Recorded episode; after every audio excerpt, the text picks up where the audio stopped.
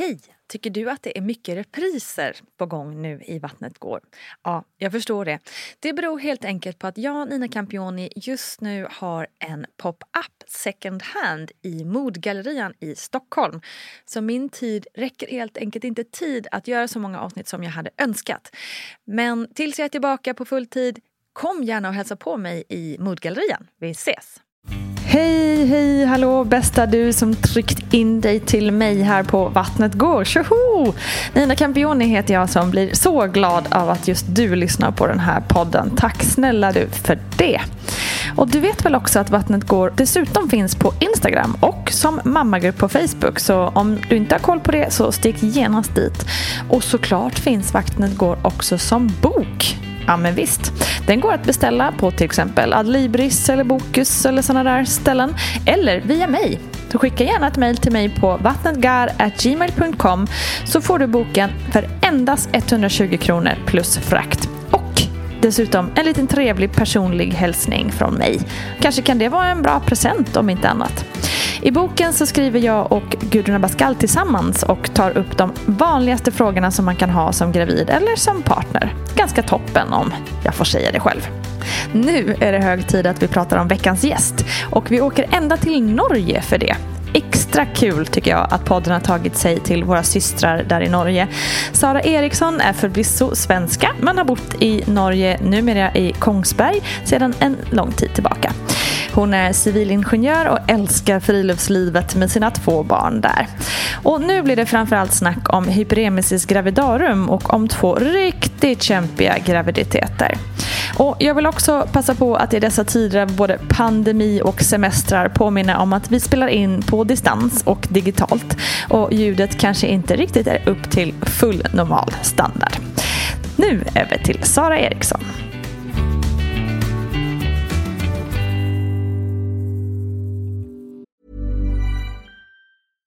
Flexibility is great. That's why there's yoga. Flexibility for your insurance coverage is great too. That's why there's United Healthcare Insurance Plans. Underwritten by Golden Rule Insurance Company, United Healthcare Insurance Plans offer flexible, budget friendly coverage for medical, vision, dental, and more. One of these plans may be right for you if you're, say, between jobs, coming off your parents' plan, turning a side hustle into a full hustle, or even missed open enrollment. Want more flexibility? Find out more about United Healthcare Insurance Plans at uh1.com. Hey, I'm Ryan Reynolds. Recently, I asked Mint Mobile's legal team if big wireless companies are allowed to raise prices due to inflation. They said yes. And then when I asked if raising prices technically violates those onerous two year contracts, they said, What the f are you talking about, you insane Hollywood ass? So to recap, we're cutting the price of Mint Unlimited from $30 a month to just $15 a month. Give it a try at mintmobile.com slash switch. $45 up front for three months plus taxes and fees. Promo for new customers for limited time. Unlimited more than 40 gigabytes per month. Slows. Full terms at mintmobile.com. Quality sleep is essential for boosting energy, recovery, and well-being. So take your sleep to the next level with Sleep Number. With a Sleep Number smart bed, you can individualize your comfort level and enjoy a better sleep night after night. JD Power ranks Sleep Number number 1 in customer satisfaction with mattresses purchased in-store. And now the Queen Sleep Number C4 smart bed is only $1,599, a saving of $300 only for a limited time. For JD Power 2023 award information, visit jdpower.com/awards. Only at Sleep Number stores or sleepnumber.com. Sara, du mådde verkligen inte särskilt bra under dina, dina båda graviditeter egentligen. Men eh, berätta från början, hur, eh, hur var det att vara gravid första gången? Eh, det var eh, verkligen jätte, jätte, jättejobbigt, mm. tycker jag. Eh, speciellt första halvan av första graviditeten okay. eh, var ju väldigt, väldigt jobbig. Mm. Jag fick veta ganska tidigt att jag var gravid redan i vecka fem. Ah, okay. um, och så slog väl illamåendet till typ i vecka sju. Mm. Mm. Det ganska lång väg kvar. Uh, liksom. Man vet att man har ett par veckor kvar att gå. Liksom. Ja, mm. ja, verkligen. Och så känns ju allting så himla ovisst mm. på något vis. Alltså när man är gravid. Alltså, typ hjälp, vad är det som händer nu liksom? Mm. Va, men eh, vad, vad, vad var det du kände som kändes ovisst liksom? Nej men det är säkert samma för alla när man blir gravid, att det känns typ som en sån chock. Att man Mm. absolut inte förstår, utan Mm. att det är bara liksom ett streck på en sticka och Mm. man, man fattar typ ingenting och det känns som att så här, ska inte hela världen typ stanna upp nu för att jag är gravid? Men utanför så fortsätter allt som vanligt och så vill ju inte jag berätta för någon så jag höll det här liksom för mig själv. Bara det att jag bodde i Norge gjorde att jag så här, jag visste inte vart jag skulle vända mig. Hade jag bott i Sverige så visste jag att okej, men man ringer ändå till BVC och liksom kanske får en tid och kanske får träffa någon. Liksom. Mm. Eh, Men inte ens det visste jag. Vem vände jag mig till? Liksom? Hur länge hade ni bott i Oslo då? Eh, Vi hade, alltså vi hade bott i Norge i några år men vi hade Mm. precis flyttat till eh, Oslo Okej. när, när jag blev gravid. Mm. Pre- Precis fått nytt jobb och eh, ny lägenhet och sådär. Mm. Mycket nytt då på en gång. Ja, det var det här som var det var, ju, det var planerat att jag skulle bli gravid men det var inte Mm. planerat att det skulle gå så himla fort. Okej, ja. Eh, Så allting blev verkligen som en chock eh, ja. i och med det också. Ja, så började jag som sagt må jätte, jättedåligt och i, alltså, samtidigt som jag började må så här dåligt så blev vi också uppsagda från vår lägenhet och jag trivdes inte alls på mitt nya jobb. Oj. Eh, och jag, jag valde att berätta för min chef ganska tidigt i och med att jag Mm. kände att så här, jag kan inte prestera på jobbet. Mm. Eh, så tror jag att jag berättade för honom redan i vecka åtta. Eh, varpå han reagerar med att bli förbannad på mig och undrar om Oj. det här var planerat. Och, ehm, ja, eh, det var verkligen Tungt. det var verkligen inte roligt. Nej, Mm. det förstår jag. Det är liksom ett A hur man inte ska reagera som arbetsgivare. Ja, verkligen. Mm. Eh, nej, men för jag tänkte ändå att jag skulle kunna få lite så, att vi skulle kunna tillrättalägga så att jag skulle kunna jobba. Mm. Ehm, och kanske kunna jobba lite hemifrån och kanske jobba lite kortare dagar och jobba lite i, liksom på kvällen istället och så som det passade mig för att jag eh, blev väldigt, väldigt, väldigt trött i början. Det var väl ett av de första symptomen, att jag var så otroligt trött. Mm. Eh, men han sa att du ska sitta på kontoret 8 till 5 gravid eller inte, det brydde inte han sig om. För Så det. det slutade ju med att jag blev sjukskriven ganska snabbt. Mm. Eh, jag provade att jobba 50 procent men det gick inte alls. Eh, för, alltså när jag kom hem från jobbet så låg jag bara helt utslagen på soffan för att jag var så trött och mådde så fruktansvärt illa. Mm. Eh, jag tyckte liksom att jag provade allt och försökte äta regelbundet och dricka massa vatten. Och, men det var verkligen ingenting som fungerade. Vad sa de Eh, på och BVC liksom? Eller Norges motsvarighet till BVC? Ja, hälsostationen som det heter här. De, ja. Nej, men de sa ju liksom att ja, det är normalt att må illa. Liksom. Mm, det. Och det var ju verkligen inget, inget konstigt att jag mådde illa. Men det var det som också var så konstigt, för jag tyckte verkligen inte att jag fick någon, fick någon hjälp eller så, förståelse, utan det var bara ja, men typ gå hem och sov så ska du se att det går över sen, Mm, ungefär. Mm. Men, men det gick ju, alltså det blev verkligen bara värre och värre. Ehm, och de dagar det var som värst så låg jag på soffan hela dagen. Det var precis att jag orkade ta mig upp i sängen så jag låg på soffan hela dagen i pyjamas. Och så skämdes jag så mycket över att jag var så dålig på att eh, hantera illamåendet. Mm. Att jag var så himla Mm. dålig på att vara gravid för alla andra klarade ju det så bra. Mm, det. Eh, och jag hade liksom bestämt mig för att jag skulle må bra så jag provade att träna, jag provade att gå till gymmet och satt och liksom nästan kräktes i omklädningsrummet. Eh, Medan alla andra liksom struttade runt med sina små ärtiga magar och jag bara det här, Ja. det går liksom inte. Mm. Åh, gud vad vidrigt det måste känt. Ja, jag var verkligen helt eh, fruktansvärt. Och så i vecka, eh, vecka 11 då började jag att kräkas. Och de har ju läst liksom att det i vecka typ 12-13 så brukar det gå över. Mm, det. Eh, och då kände jag, det kändes verkligen helt hopplöst när jag började kräkas då i vecka 11. Ja. När jag trodde att det skulle vända liksom. Mm. Så blev det bara värre liksom. Istället. Ja, ja, ja. Värre och värre. det, ja, det blev väl värre från vecka 11. Så var det väl det de värsta veckorna. Vecka 11, 12, 13, 14 ungefär var väl som allra värst. Okej. Under första graviditeten så kunde jag ändå göra typ normala saker. Alltså jag kunde typ gå och handla liksom. Men Mm. när jag kom hem så kräktes jag. Okej. Eh, och så är det liksom så inpräntat i våra huvuden på något vis att så här, om man rör på sig så mår man bättre. Ja men precis, det eh, och ofta, ja, ja. Um, och så är det ju liksom i vanliga fall när jag inte är gravid. Mm. Om jag känner mig trött och hängig och så går jag ut och går en promenad så mår jag ju ofta bättre efteråt. Mm. Så det var också så jobbigt att så fort jag försökte, att jag liksom försökte pressa mig att så här, men okej, nu ska jag gå ut och gå så kommer det att bli bättre. Men så fort jag kom hem så kräktes jag. Mm. Och så bara låg jag utslagen ju den motivationen liksom att ut och röra på sig. ja. Om man säger så. Ja, ja, helt och hållet. Och så kändes det som att det var liksom ingen runt omkring som förstod riktigt heller. Nej.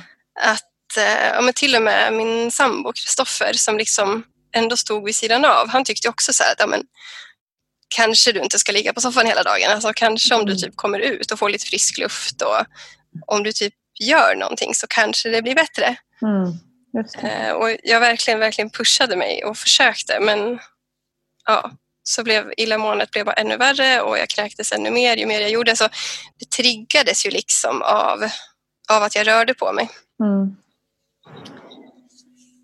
Så fanns det, fanns det, fanns det, liksom, fanns det någonting som, som hjälpte under den här tiden?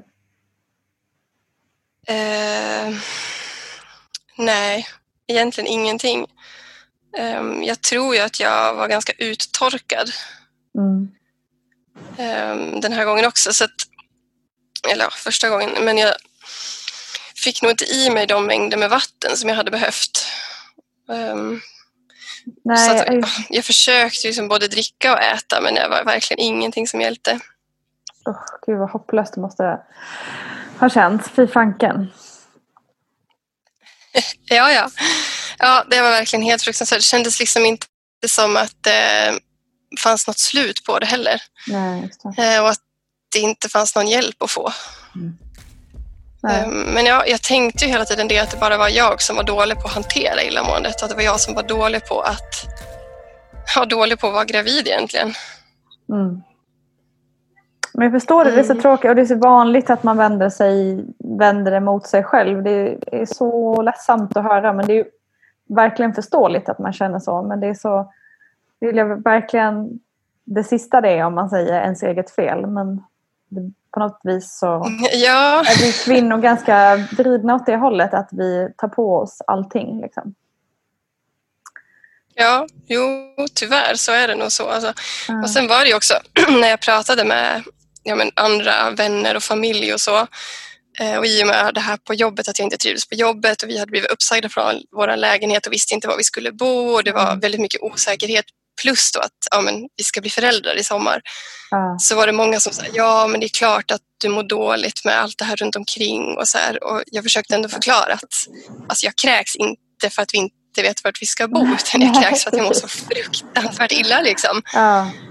Så, ja, så det tyckte jag var jobbigt att det var många runt omkring som liksom försökte lägga det på mig. När det egentligen var min kropp som bara Precis. slog bakut. Och lite vifta bort det kanske lite också. Så ah, ja, det blir nog bättre. Ja, ja men verkligen. Men... Eh, så det gjorde också att jag hade svårt att acceptera liksom att, ja, att det var så här, som att jag själv också försökte hitta andra förklaringar. Att, ja, nej, men det är nog inte så konstigt att jag mår dåligt egentligen och nej, det, det, blir nog bättre sen när, när vi har fått lite mer stabilitet i tillvaron och sådär. Ja, och sen vet jag inte hur du är, liksom, men ofta kan det ju vara också att man inte vill vara den som klagar heller. Att man är liksom, ja, ja, och så försöker man sätta upp någon slags mask om att det blir nog bra. Liksom. Ja, absolut. Jag, eh, jag är inte den som liksom går och tycker synd om mig själv utan liksom så Nej. försöker verkligen bita ihop. Mm. Eh, men det finns ju gränser för hur länge man, hur länge man orkar bita ihop Nej, och jag tyckte verkligen att jag gjorde det. Eh, bet ihop och bet ihop men fick inte så mycket liksom, ja, förståelse för det egentligen. Nej. Och sen så tycker jag det också med graviditetsillamående att det är så märkligt för att man har liksom bra och dåliga dagar. Eller jag mm. hade det i alla fall och då, mm. det kunde ju vara dagar där jag faktiskt träffade vänner och så att jag kanske ja, träffade någon och åt middag liksom, och så spelade vi något spel och så här och då såg ju inte de alls hur dåliga jag egentligen var. Nej. Och sen när de frågade jag, men hur, hur har du det liksom och hur mår du? Och att nej, men jag mår verkligen jättedåligt och att idag är en bra dag. Och det gör det ju också svårt för andra att förstå när de ser mig eh, på en bra dag. Liksom. De ser ju inte mig på den dåliga dagen när jag bara ligger i soffan. Liksom. Nej, men precis. Hur var det också, jag tänker också så här, liksom, just det här som du var inne på när man jämför sig och sådär. Liksom. Det snackas ju så mycket om cravings och hit och dit. Liksom. Hur kändes det liksom att du bara, gissar jag, inte var sugen på någonting matmässigt? Ja, nej det var verkligen, verkligen, verkligen inte sugen på någonting utan det var mer så här att försöka hitta någonting som gick att få ner. Mm. Eh, och det var ju precis så som det är för många. Alltså mitt luktsinne var ju helt... Eh, alltså allting luktade illa. Alltså jag klarade inte mm. av mat och matos överhuvudtaget. Eh, så det enda som gick ner var ju alltså typ kall mat som så yoghurtar och ja, typ sånt som gick att dricka. Mm. Och så vet jag att jag åt ganska mycket citrusfrukter. Det var väl typ det enda, men jag skulle verkligen inte säga att det var en craving utan bara, det var det enda jag hittade som gick att äta utan att må superilla efteråt. Ja. Oh, så tungt alltså. Ja. ja, ja, verkligen. Det var, Men var det alltså, någon... nästan så som ett svart hål. Liksom. Ja, jag förstår det. Mm. Var det någon tid under din första graviditet som, där du liksom ändå mådde okej? Okay, liksom? Ja, alltså första graviditeten. Eh, jag var ju liksom så pigg och frisk när jag blev gravid. Mm. Ehm, så det var första halvan och sen så gick det faktiskt över kring vecka 20. Eller det var liksom inte så att det gick från en dag till en annan. Utan det lättade liksom successivt. Mm. Ehm, och jag, alltså illamåendet hängde väl i fram till vecka 30.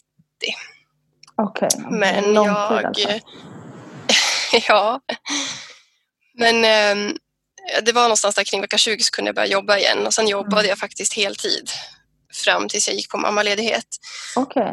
Så jag skulle ändå säga att andra halvan av första graviditeten var ju en relativt normal graviditet. Liksom. Mm. Hur kändes det då när det ja. blev liksom lite mer normalt och kunde jobba igen? Och sådär? Um, alltså det var helt fantastiskt. Alltså verkligen att typ kunna känna att jag levde igen. Mm. Um, och typ träffa andra människor och um, ja, leva ett liksom normalt liv. Mm. ja, det var verkligen eh, superbra och välbehövligt för mig själv också tror jag. Och liksom få gå till jobbet och göra normala saker eftersom jag skulle gå på mammaledigt sen. Ja, men precis. Hur var det att komma tillbaka till jobbet och efter att liksom bli, blivit mött av chefen på, på det där sättet?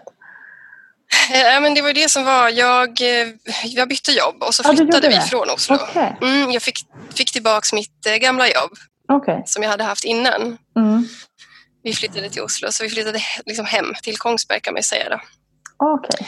Eh, och jag berättade för mina kollegor direkt, alltså innan jag fick tillbaka jobbet, att jag, att jag var gravid och de var bara jätte, jätteglada för min skull. Och jag, eh, alltså jag är så glad att jag fick tillbaka det jobbet för det kändes ju som att komma tillbaka till, till mina vänner liksom, och där var alla verkligen superstöttande och jätteförstående. Ja, vad skönt. Det var kanske precis ja. vad du behövde i denna, denna vidriga tid. Liksom. Ja, verkligen. Men det var det här som också på något sätt var så komiskt för att när jag började på det jobbet igen så blev ju allting bättre. Alltså när vi, vi köpte hus och jag som sagt kom tillbaka till det jobbet och eh, i och med det så gick ju illamåendet också över. Och då blev det mm. som att det förstärktes att det var allt det här runt omkring som hade gjort att jag mådde dåligt. oh. um, ja. Fattar, både skönt och frustrerande i ett liksom. ja, ja, exakt. Mm. Men jag, jag trodde verkligen på det och eh, det gjorde ju sen, liksom, ja, vi kom ju till andra graviditeten sen, men att jag liksom mm. hoppades att ja, men om vi skulle ha fler barn, att jag kanske skulle kunna ha en normal graviditet så länge omständigheterna var liksom på plats. Ja, men exakt, jag fattar. Men ja. det kommer vi till sen att det inte riktigt stämde hela vägen. Nej, Nej. precis.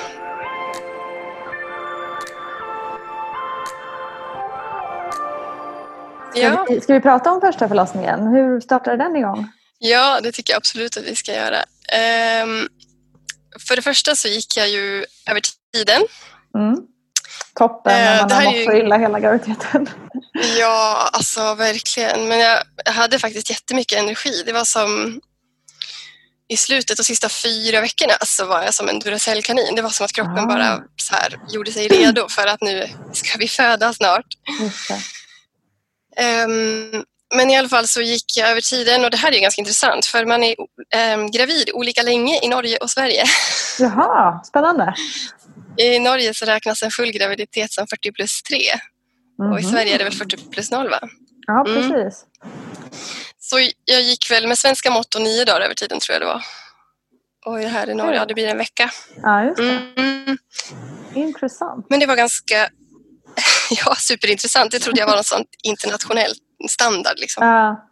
ja, det är nog lite olika, lite olika, olika ställen. Men det är ju spännande att det skiljer ändå liksom tre dagar när det, när det är grannlandet just. Liksom. Ja, ja jätte, jättekonstigt. Men i alla fall så eh, startade det med... eh, jag hade gått och lagt mig och kunde liksom inte riktigt somna. Ehm, och låg väl typ så halvvaken. Jag hade haft jättemycket förverkar superlänge liksom, så att jag hade ju det egentligen hela tiden. Och speciellt när jag hade gått och lagt mig. Mm. Men så fick jag en, eh, ja, en förverk trodde jag, men det kändes verkligen som en verk och tänkte liksom att om det där inte var en verk så vet jag inte vad det var för någonting. Och sen så jag låg på sidan och kände bara hur det blev blött liksom på eh, insidan av benet. Okej, nu Ja. gick vattnet. Jaha. Så jag vände mig mot Kristoffer och petade på honom och bara du, nu tror jag att vattnet har gått. Och han flyger upp ur sängen och bara va? Vad är det som händer? Jag bara, nej men jag vet inte, hur ska vi veta det? Liksom. Jag bara, men om jag ställer mig upp så lär vi ju, så Ja. lär vi ju se. Och då bara, ja det var verkligen, ja det bara Då forsade ut. Ja.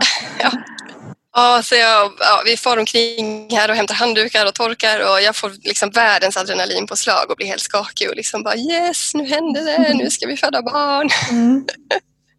Jag ringer in till um, föden som det heter här Mm. Föden, eh, okej. och berättar, föden ja, och berättar att vattnet har gått. Och eftersom det var på natten då ehm, så ville hon att jag skulle lägga mig ner och försöka sova. Mm. ta på en binda liksom, för att de skulle kunna se sen. De ville att jag skulle komma in på morgonen om det inte hade hänt något så att de kunde undersöka då och se om det verkligen var fostervatten. Mm. Men det, ja, det, var ju, det tvivlade jag inte på. Eh, Men det, alltså, tänkte jag liksom, gå och lägga mig och sova nu, det finns inte en chans. Alltså, speciellt inte efter det här adrenalinpåslaget. Alltså, jag var verkligen så upp i varv. Eh, Men direkt när jag har lagt på luren eh, så kommer första verken. Okej. Eh, Och sen hade jag verkar varannan eller var tredje minut i 13 timmar tills Oh, wow. Shit. Så det var verkligen som en chock för mig. För jag hade läst på och förberett mig ganska mycket ändå. Läst liksom. Jag hade ändå sett framför mig att det skulle så trappas upp successivt. Ja. Att det kanske börjar lite långsamt. Och sen blir mer och mer och mer intensivt. Liksom. Ja. Men eh, det drog igång. Alltså det var verkligen som ja, pang. Shit. Ja, jag var inte alls beredd på att det skulle vara så intensivt. Eh, Nej, och det kändes det. liksom inte alls som att jag fick eh, vila riktigt. Utan Nej. de kom verkligen tätt. Men jag satte mig i alla fall i duschen på en pall och spolade varmvatten på magen och typ försökte äta lite för jag tänkte att det här kommer liksom bli en lång natt och jag hade inte sovit och Mm. ja, behövde fylla på med energi. Liksom. Men kände ganska snabbt att det här börjar göra riktigt ont. Mm. Ehm, och Kristoffer tycker det känns jobbigt också att alltså han ser att jag har så ont och han vill väl egentligen att vi ska åka in så vi ringer in igen. Och här är väl också en enormt stor skillnad att föda barn i Kongsberg mot kanske Stockholm. Mm. För jag var den enda som födde den dagen så de bara, Ah, nej men okej. bara kom in när ni vill, vi finns här för dig, det är bara att komma. Ja, det var skillnad kan man ju säga. Men vad härligt. Ja, verkligen. Uh, jätte, jätteskönt, för då kände jag men då bara packar vi ihop och åker in. Så Ja, får de undersöka mig och så ser vi liksom. För när man föder barn första gången, man har ju ingen aning. Är det liksom, är jag i latensfasen? Är jag 8 centimeter öppen? Alltså, hur men ska man veta första gången? Nej, nej, nej. Ehm, Men man vad skönt. Det måste ju varit en trygghet att bara få var omhändertagen och var liksom den enda som var på agendan den dagen. Ja, ja, alltså helt fantastiskt. Jag kan inte föreställa mig hur det är när man ringer och bara, nej men här är det fullt, du får vara hemma liksom. Eh, Ja. För Ja. alltså, när jag kommer in, så, alltså, det, som sagt det var ju på natten, så då ligger det ju typ så här, fyra barnmorskor och sover och de ligger där och väntar på mig. För de vet ju att jag ska komma. Jag bara hör nu hur, hur barn- många barnmorskor från Sverige som bara ansöker om jobb i Kongs... Vänta, vad nu? I Kongs... Kongs vad heter? Kongsberg. Kongsberg. Ja. bara, ja, det var faktiskt en svensk barnmorska som mötte mig som var vikarie. Så, Det var det? ja. Ja, härligt. Skönt att höra att det kan vara så på vissa ställen i alla fall. Ja, ja. Och, ja. Jag känner mig verkligen privilegierad som har Mm. fått föda barn på Kongsberg sjukhus. Det är Härligt. en fantastisk upplevelse. Ja, Skönt att höra. det, det är en lyx.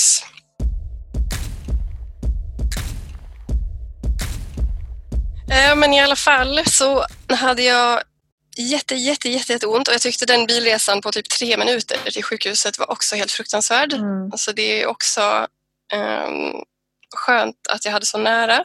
Mm. Och bara liksom från parkeringen till dörren, jag tror, vad kan det vara, liksom 50 meter. Eh, och benen bara vek sig alltså Ja. när jag fick verka. Alltså jag tror jag var tvungen att stanna sju gånger. Jag bara hängde över Kristoffer för att Ja. Alltså det gick ju typ inte. Nej. Och tänk, ja, tänkte väl redan där att typ hur fasen ska jag klara det här? Mm. Men hur lång tid hade du varit hemma då? Från första verken? Kommer du ihåg det? Hur lång tid? Ja, cirka tre, fyra timmar hade jag Ja. varit hemma. Ja. Ja. Du kämpat på bra. Ja, alltså jag tyckte ju det. Ja. tänkte att här, när jag kommer in så kommer det vara fullt öppen. Nej, inte riktigt. Men Men man hoppas jag var i alla fall... Liksom. Ja, exakt. Men jag var i alla fall, jag var väl typ tre centimeter öppen tror jag. Mm. Så det kändes ju ändå som att det hade fortlöpt så väldigt normalt. Mm. Typ en centimeter i timmen liksom. Mm. Precis. Ehm, Fick du någon smärtstillande men jag- då eller? Eh, nej, och det är ju också superintressant. För på flera sjukhus i Norge så finns det faktiskt ingen lustgas. Jaha. Ja, de större sjukhusen har väl. Ja. Eh, Det beror på ehm, alltså arbetsmiljön för barnmorskorna, eller ja, personalen, Mm. de som jobbar där. Okej. För det är krav på ventilationen tror jag, Ja, ja, ja. som gör att alltså, du måste uppfylla vissa krav då för att få ha lustgasen. Okej. Eh, Och just här i Kongsberg, då, det är ett ganska litet, det är väl ett lite äldre sjukhus, så där de inte Ja. uppfyller de kraven, så då får de inte ha lustgas. Mhm. Där ser man. Jag menar, jag hade ju aldrig fött barn med lustgas så jag, det var ju som inte som att det var någonting jag saknade. Men Nej. eh, det jag gjorde i alla fall var att jag fick bada och det, det var jag verkligen superglad för för det trodde jag inte att man fick när vattnet hade gått på Mm. grund av infektionsrisken. Mm. Så det tyckte jag var jätte, jätteskönt. Eh, och det, det tyckte jag hjälpte med liksom värmen och vattnet. Alltså det avlastade ju magen ganska mycket. Mm. Precis. Det är jag, många som jag tycker tyckte det. väl det var... Ja, Mm. Men Det tyckte jag väl var bland det värsta med verkan, just att det pressade så mycket neråt och det tyckte jag liksom avlastades lite med det. vattnet. Skönt. Men i alla fall, väl i badet så alltså det, det blir verkligen bara värre och värre och värre och jag bestämmer mig supersnabbt för att jag måste ha en epidural för att det här, jag klarar inte det här och jag tror att jag typ motarbetar verkarna mer än jag samarbetar med dem Mm. och verkligen spänner mig och ja, rädd liksom. Och tänker hela tiden att jag vill bara ha bort den här smärtan. Alltså kan Mm. någon bara ta bort? För Mm. jag klarar inte alls att andas så som jag hade tänkt. Alltså jag hade ju tänkt att jag skulle föda barn så fokuserat och fint. Jag skulle andas liksom, men så blev det verkligen inte alls så. Alltså jag tror att jag typ hyperventilerade genom varenda verk. Mm. Ja, från att jag har bestämt mig för att jag vill ha den till att jag får den. Det tar ändå ganska lång tid för jag ligger ju i badkaret så jag ska upp från det och ta mig tillbaks till den där sängen och så vet jag inte. Man måste väl vara några centimeter öppen innan man får den. Jag vet inte om du vet hur mycket. Jaha, nej, det har jag faktiskt där? aldrig hört. Inte det ska vi fråga. Ja, jag vet faktiskt inte. Jag tror att det var därför det tog lite tid innan jag fick den. Okej. Mm. Men ja, till slut så får jag den i alla fall. Då har det väl, ja, då tror jag det har gått typ två timmar eller något. Ja, Från lång att de alltså. börjar förbereda för det liksom. Ja, Du måste ja varit där och helt då känns ju det då, som en hel herregud. evighet. Ja, ja, verkligen. Alltså helt utmattad. Alltså speciellt i och med att jag inte klarade av att slappna av. Att jag liksom var så spänd och ja, verkligen helt färdig. Och så hade jag inte sovit på hela den natten. Så Nej. Ja, det var, det var riktigt tufft. Men till slut så kom ju anestesiläkaren som en ängel in genom rummet. Mm. och det var ju också fruktansvärt att sätta den där epiduralen. Alltså, att han satte den liksom i ryggen, det kändes inte överhuvudtaget. Men det att ligga på sidan och ha verkar. Uh.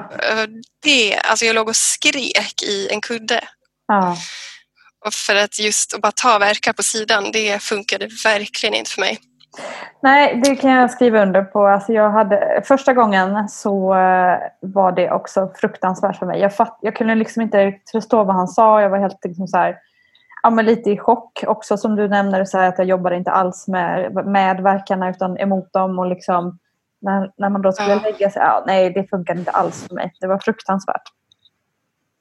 Ja, ja, men då vet du verkligen. Ja, jag förstår precis vad du menar. Ja. Men så kommer jag inte ihåg, jag har ju lyssnat på din historia, men funkade epiduralen?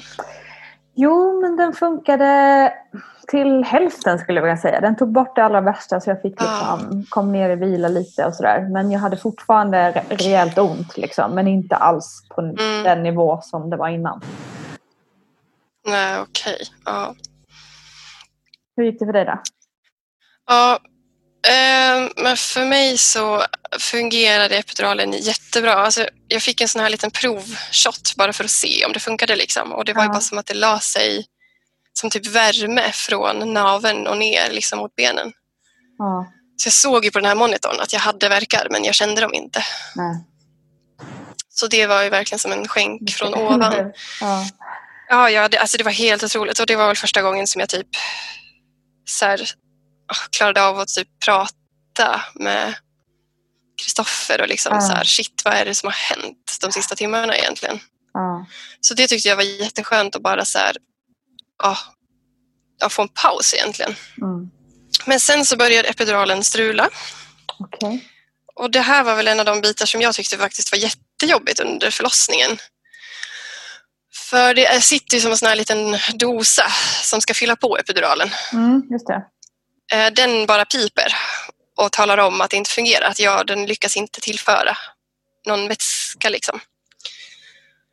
Um, och då tror barnmorskan att det är luftbubblor i systemet så de börjar koppla om alla de här slangarna och typ står och slår så på, för att få bort luftbubblorna och hon tar mm. hjälp av Kristoffer och står och grejer och vrider de här sladdarna och jag bara så här, vad är det som händer här inne? För jag behövde ju Kristoffer hos mig. Alltså jag tror jag höll honom i handen genom hela förlossningen. Um, och i takt med liksom att de håller på att greja med den apparaten och tror att de har fått ordning på det och de byter apparat och det bara piper igen uh, så börjar ju min smärta liksom sakta men säkert komma tillbaks. Mm. Och liksom då bli påmind om att just det, det är så här ont det gör och de liksom inte får ordning på det och här bryter jag liksom ihop för första gången och bara mm. liksom gråter och då blir den barnmorskan typ arg på mig. Så här, Varför är du ledsen? Så här, du har det bra, barnet har det bra. Fokusera på det som är viktigt. Jag bara... Ja. ja, hon var lite speciell den barnmorskan. Mm. Det låter det som. um, ja, verkligen. Men så säger jag till Kristoffer typ att nu får du säga ifrån, nu får anestesiläkaren komma tillbaka och se vad som är fel. Mm. Eh, så han kommer tillbaka och han undersöker ju alltihop liksom på ryggen. Den sitter ju tejpad typ längs med hela ryggen uppe på axeln och då ser de att det sitter som en knäck på slangen. Mm. Så han lyckas rätta till det i alla fall och så fungerar det som det ska och då har de hållit på i två timmar. Åh oh, herregud. Ja. Ja. Jäkla otur liksom. Ja, verkligen i och med att det fungerade så, så bra med mm. epiduralen. Liksom. Mm. Men så det är i alla fall jätteskönt när det fungerar så då kan jag äta och sova lite. Så väcker de väl mig ytterligare två timmar senare för att de vill undersöka mig. Så hon undersöker och ser att det är, eller jag känner väl då att det bara är fortfarande 6 centimeter, precis som det var innan de satte epiduralen. Så det har stannat av helt och hållet. Oh. Gud vad knäckande. ja, det var jättetungt. För då kände jag så här att nu måste jag göra de här jäkla fyra centimetrarna plus att jag ska krysta sen liksom. Och jag bara, jag vet inte hur jag ska orka det här. För då när jag vaknar så känner jag mig jätteyr och jag mår illa. Jag tror att jag har fått feber och de måste sätta in massa extra vätska tror jag att de gör och så sätter hon in verkstimulerande. Mm, just det. Och det är ju inte heller roligt, det där Nej, verkstimulerande nej, droppet. Alltså det är nej. som att ha verka gånger hundra ungefär. Mm. Det gör ju bara ännu mer ont. Ja, jag känner mig ganska så uppgiven liksom. Ja, och bara typ, nu vill jag inte mer. Ja. Men då händer också någonting jätte, jättekonstigt. När barnmorskan ser att nästa verk är på G på den här monitorn så ber hon alltså Kristoffer att typ hålla fast mig i sängen. Okej. Och så när verken kommer så stoppar hon in handen och bara pressar bort resten av Mm. livmodertappen bakom bebisens huvud.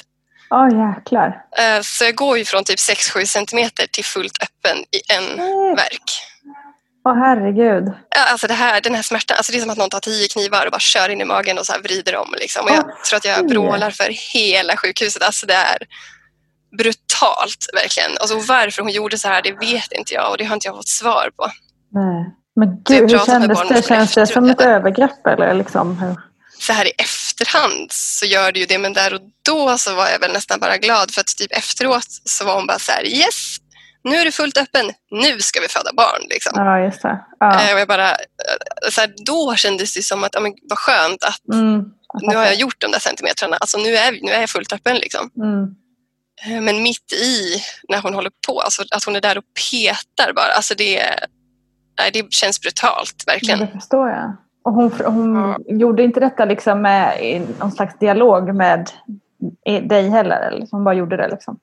Nej, nej, nej. Mm. Och hon bara, hon bara körde på. Alltså just det att hon ber Kristoffer att hålla fast mig. Liksom, Ja. För att jag inte ska kunna typ vrida mig av smärtorna. Det är liksom... Men jag, jag har pratat med barnmorskor efteråt och de har sagt så här, så gör vi inte. Och barn föds ju ändå. Liksom. Så att, Mm. Men jag, det kan ju ha varit saker hon såg som jag inte vet. Att det var bråttom Mm. att få ut bebisen eller så. Jag vet ju inte. Men, eh, Nej. Men ändå men, ja, och så, jag visste inte att man gör så. Nej, det låter vidrigt. Jag var faktiskt med om, ehm, inte alls liknande ska jag inte säga på något sätt, men med mitt andra barn så frågade barnmorskan om hon fick gå in och liksom försöka, för jag hade lite samma grej, att efter epiduralen så stannade liksom verkarna av. Ah, Okej. Då var det liksom, ja men det, mer att det var liksom den lilla, lilla pushen extra för att folk liksom. Ja. Men då var det då kanske vi snackade om liksom en centimeter och hon frågade mig också specifikt om det var okej och så vidare. Att vi kunde testa detta som metod. Det är ju en helt annan grej om man liksom Ja. samtalar med varandra och liksom gör det i, att man bestämmer Ja. tillsammans. Liksom. ja, verkligen. Mm. Men jag tänker alltså, hade hon frågat typ kan jag hjälpa till lite så manuellt så hade jag ju säkert sagt ja. Ja. Men det var väl det att det kom som en chock att jag Ja. verkligen blev helt, ja, ja, lite som du säger, som ett övergrepp. Att så här, Ja, hjälp, precis. vad gör hon? Mm. Och så att jag inte visste vad hon gjorde heller. Hon hade kunnat Nej. berätta att man kan göra så här. Precis. Vill du att jag gör det? Liksom? Eller jag kommer att göra det. Ja. Ja, det hade varit, känts bättre i alla fall. ja, det förstår jag. Om det hade varit en dialog. Ja. Mm.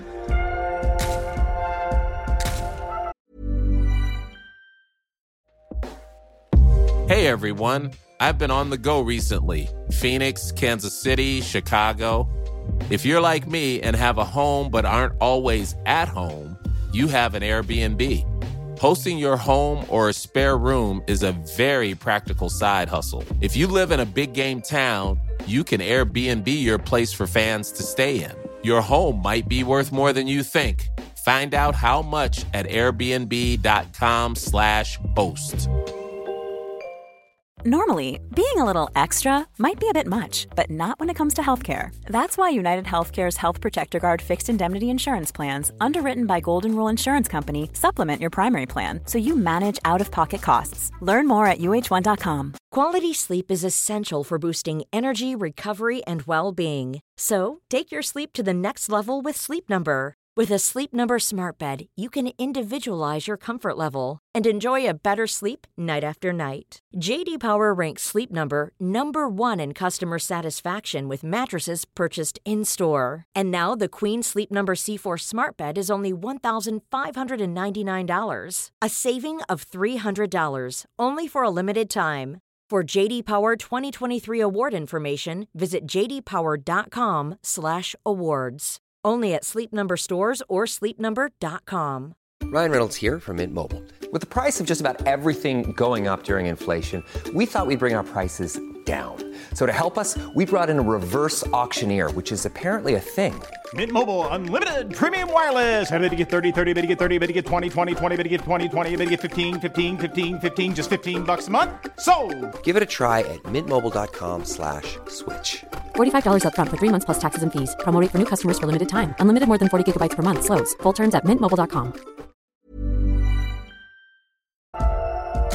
Då har du i alla Ja. fall öppnat 10 centimeter plötsligt. Även fast du ville eller ej. ja. Ja. ja, exakt. Ja, och då tänkte jag att nu får jag börja krista, men det fick jag inte heller göra. För sen ska ju bebisen sjunka ner också. Mm. Alltså det, det som funkade bäst för mig var egentligen bara ligga som liksom en kalv på rygg, eller så här, som en säl. För att det tyckte jag var det enda som var behagligt. Men då tvingade hon mig i alla fall att stå upp och jag provade att stå på alla fyra. Och jag tyckte allt bara gjorde det ännu värre. Mm. Eh, Och då kom jag till det här läget liksom att nu dör jag, det här går inte, jag vill hem. Ehm, Och så frågar hon liksom, ah, men känns det som att du ska bajsa? Nej, det känns inte som att jag ska bajsa. och så fortsätter jag lite till och bara, jo, nu känns det som att jag ska bajsa. Ja. Och hon bara, ja okej, då vill jag ha dig på rygg och så upp med de här grejerna under benen. De här som man har, benen Ja, i den gynpositionen. Ja, okej. Mm. Eh, och här ser de att bebisens puls går ner Okej. när jag har verkar. Mm. Och den går väl ner ganska kraftigt. Och jag tror att det kanske är när krystverkarna kommer. Jag vet inte, här hänger inte jag med riktigt på vad som händer. Alltså, jag Nej. tror inte ens att jag uppfattade att pulsen gick ner faktiskt. Nej. Men jag krystar en gång i alla fall. Eh, och sen kommer det massa folk in i rummet.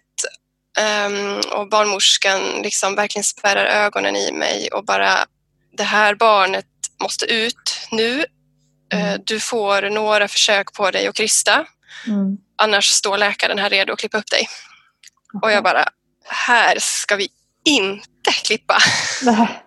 Nej. Usch, det var jag verkligen, det kände jag mig livrädd för. Eh, Alltså hade det blivit så hade det säkert funkat. Men eh, det var verkligen alltså, motiverande. Det var ju bra att hon sa så till mig. Mm. För annars hade jag nog aldrig tagit i så mycket som jag faktiskt gjorde. Alltså, alla kvinnor tar ju i liksom allt vad de kan Mm. när de krystar. Men jag spräckte liksom alla blodkärl i typ ansiktet och på bröstet så jag såg ut som en salami efter förlossningen. Jag var helt rödprickig och i typ Ja. ögonen. Och... Men i alla fall så ja, jag krystar två gånger till och så öppnar jag ögonen och ser att huvudet är ute och bara tänker att jag gjorde det. Liksom. Ja. För sen så bara tar hon kroppen och drar ut den för det är så, alltså, han måste ut. Eh, och han har navelsträngen två varv runt halsen. Åh, lilla vän. Ja, det tog väl en liten stund innan han skrek, eller det kändes som det i alla fall. Men jag, jag får upp honom på bröstet och alltså, jag tänker typ inte så mycket på bebisen. Jag tänker bara typ, jag gjorde det liksom. Mm. Jag, är jag överlevde. färdigt. Ja, precis. Ja, verkligen typ, jag är färdig med det här. Och typ Mm. det var helt, helt fruktansvärt. Mm. Ja, det känns helt overkligt när han, när han är ute. Känner igen mig väldigt mycket i dina tankar där. På min första, Ja, det gör det. min första Mm. förlossning. Just det där, att, oh, shit, Ja, det, det är över. ja. Jag behöver inte göra det här mer. Ja. Nej, exakt. Och att smärtan verkligen försvinner Mm. på en gång. Mm. Det är också rätt så sjukt. Ja. Men det är lite roligt för vi, vi hade inte tagit reda på vad det var för kön. Ehm, Så alltså, han hinner ligga på mitt bröst i säkert tio minuter och sen ska de sätta på de här armbanden och Mm. de är blå eller rosa här. Jag vet inte om det är så i Sverige fortfarande. Men Nej. då behöver de ju veta typ, ja, men vad blev det för någonting. Mm. Och då bara, nej men vi har glömt att titta, vi vet inte vad det är. Jag tänker att det säger ganska mycket om liksom tillståndet, att Ja. man är så borta och så i chock över att ha fått barn. Så att liksom, vem det är som ligger där, det är Mm. bara fullständigt ointressant. Man är bara, precis, Ja. man bara, det är över. Jag bryr mig inte mer. Nej, nej men verkligen. För det hade jag tänkt när jag var gravid, så här, att man verkligen skulle kolla, så är det fem fingrar och fem tår? Men alltså ingenting. Jag bara var så lättad över att Ja. förlossningen var över. Att det var vilken, alltså vilken pers det var Ja. att föda barn. Ja. Hur kände du sen då efteråt? Liksom, du var ju ganska mörbultad då, förstår jag, med både blodspräckta, eller spräckta blodkärl och ja, men en tuff förlossning. Liksom. Ja. Hur mådde du mentalt? mentalt helt bara i chock tror jag. Jag tror Mm. inte jag fattade någonting överhuvudtaget. Nej. Och så typ så här, man ska prata med familjen och bara ja nu är han här och typ som att ingenting har hänt, allt är som vanligt. Men vi Mm. har en bebis också. Mm. Det var ju ganska lång tid innan det sjunker in att man faktiskt har fått barn. Mm. Men så var jag, alltså jag var ju fysiskt rejält tagen efter Mm. förlossningen alltså. Mm. Det var jag också ganska chockad över att jag skulle vara så himla mörbultad. Men så fick jag jag fick någonting som heter, jag vet inte om du har hört om det, jag fick ett hematom i underlivet. Okej. Har du hört talas om det? Jag tycker att jag känner igen eh, ordet. Men jag kan inte säga vad det är. Ja, jag kan berätta lite om det för det var också ganska jobbigt för jag, jag fick alltså en blödning i min ena blygdläpp. Okej. Eh, Så den var ju typ stor som en pingisboll Ah. Mm. full med blod alltså. alltså eh, och det gjorde så fruktansvärt ont. Mm.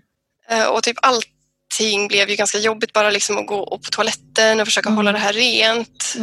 Eh, och så på grund av att jag hade det så fick jag inte sitta eller gå de Nej, första tre okej. dagarna. Ja. Eller fick, alltså jag kunde gå och kissa och sådär liksom. Men att jag skulle försöka hålla mig sängliggande så mycket som möjligt för att kroppen skulle dränera det här blodet. Mm. Mm. Alltså det gjorde ju också att jag kände mig ganska dålig liksom, efter att ha fött. För det var ändå, alltså allting gick väldigt bra och ja, jag behövde bara sy några stygn utvändigt. Liksom. Mm. Eh, och barnmorskorna sa det att efter en så pass normal förlossning så bör man ju liksom må ganska bra och typ Mm. kunna ja, gå omkring. Liksom. Men, Men, precis. Men det gör ju också att man känner sig mer som en patient än som en nybliven mamma. Liksom. Att man är mer ja, verkligen. inlagd på sjukhus än att man är, liksom, Ja, har de här mysiga första dagarna tillsammans.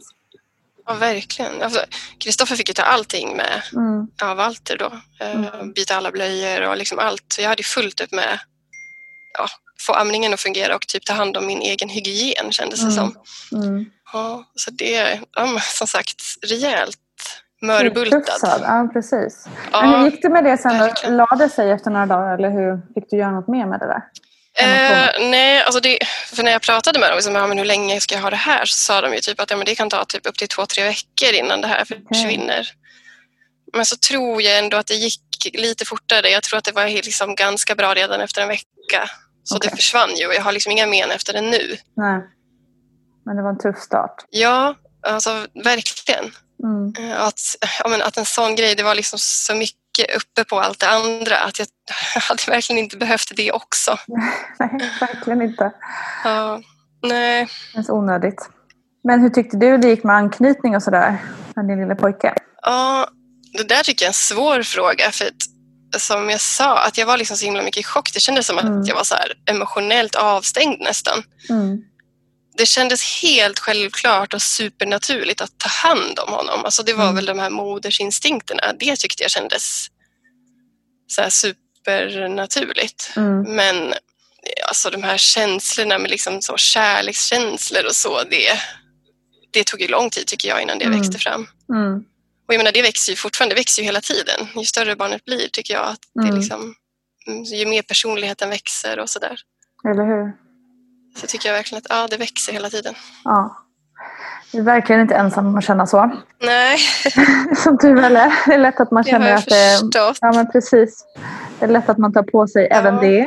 Liksom, dåligt samvete och allt sånt. Ja. Men det är så otroligt Ja, exakt. roligt, naturligt och eh, supernormalt ändå. Ja, men det är ju verkligen så i början med en bebis, det är ju bara att ta hand om Ja, det är här knytet som äter, bajsar och sover. Liksom. Ja.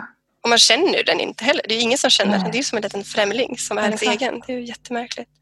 Ja, och sen tror jag också så här, första barnet att det är hela omställningen från att liksom, alltså hela den här interna stridigheten i huvudet att man plötsligt är en mamma liksom. Ehm, och det är ju inte egentligen alls kopplat till att det faktiskt är ett, barn så. Det inte, har ju inte med kärleken till det att göra utan det är liksom den här, gud vad hände med, vad, vem är jag plötsligt liksom? Det är mycket som händer inombords. Ja, Dels att man har blivit mamma och man ska ta hand om det här barnet. Och så tycker jag ju bara det här att man ska hitta... Alltså man är ju tre personer som ska hitta varandra. Hur är jag som mamma? Hur är min partner som pappa? Och hur är vi som föräldrar och hur är vi nu som partners. Alltså det är så många, det är många nya delar. band. Liksom. Ja. Precis. Och det där tyckte jag, det tog jättelång tid. Alltså speciellt för oss två tyckte jag. Vi famlade i mörker i vår relation ganska Ja. länge. Ja, men svårt att se varandras behov. Jag, alltså, Kristoffer kunde tycka att så här, ja, men jag behövs ju inte för du ammar ju och han har det bra. Eh, Men jag behövde ju honom att han bara var hos mig. Exakt.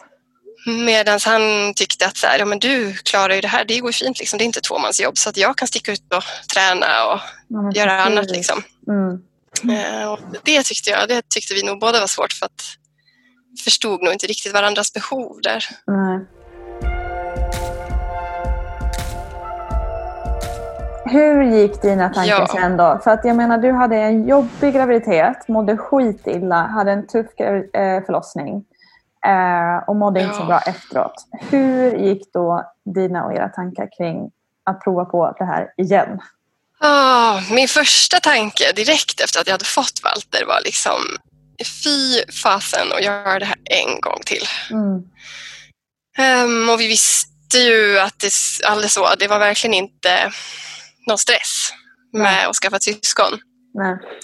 Alltså Walter blev ett och han blev två och det var väl liksom ja, först när han närmade sig två som vi liksom kände att så här, "Åh, ska vi ha ett syskon så är det väl nu snart liksom. Mm.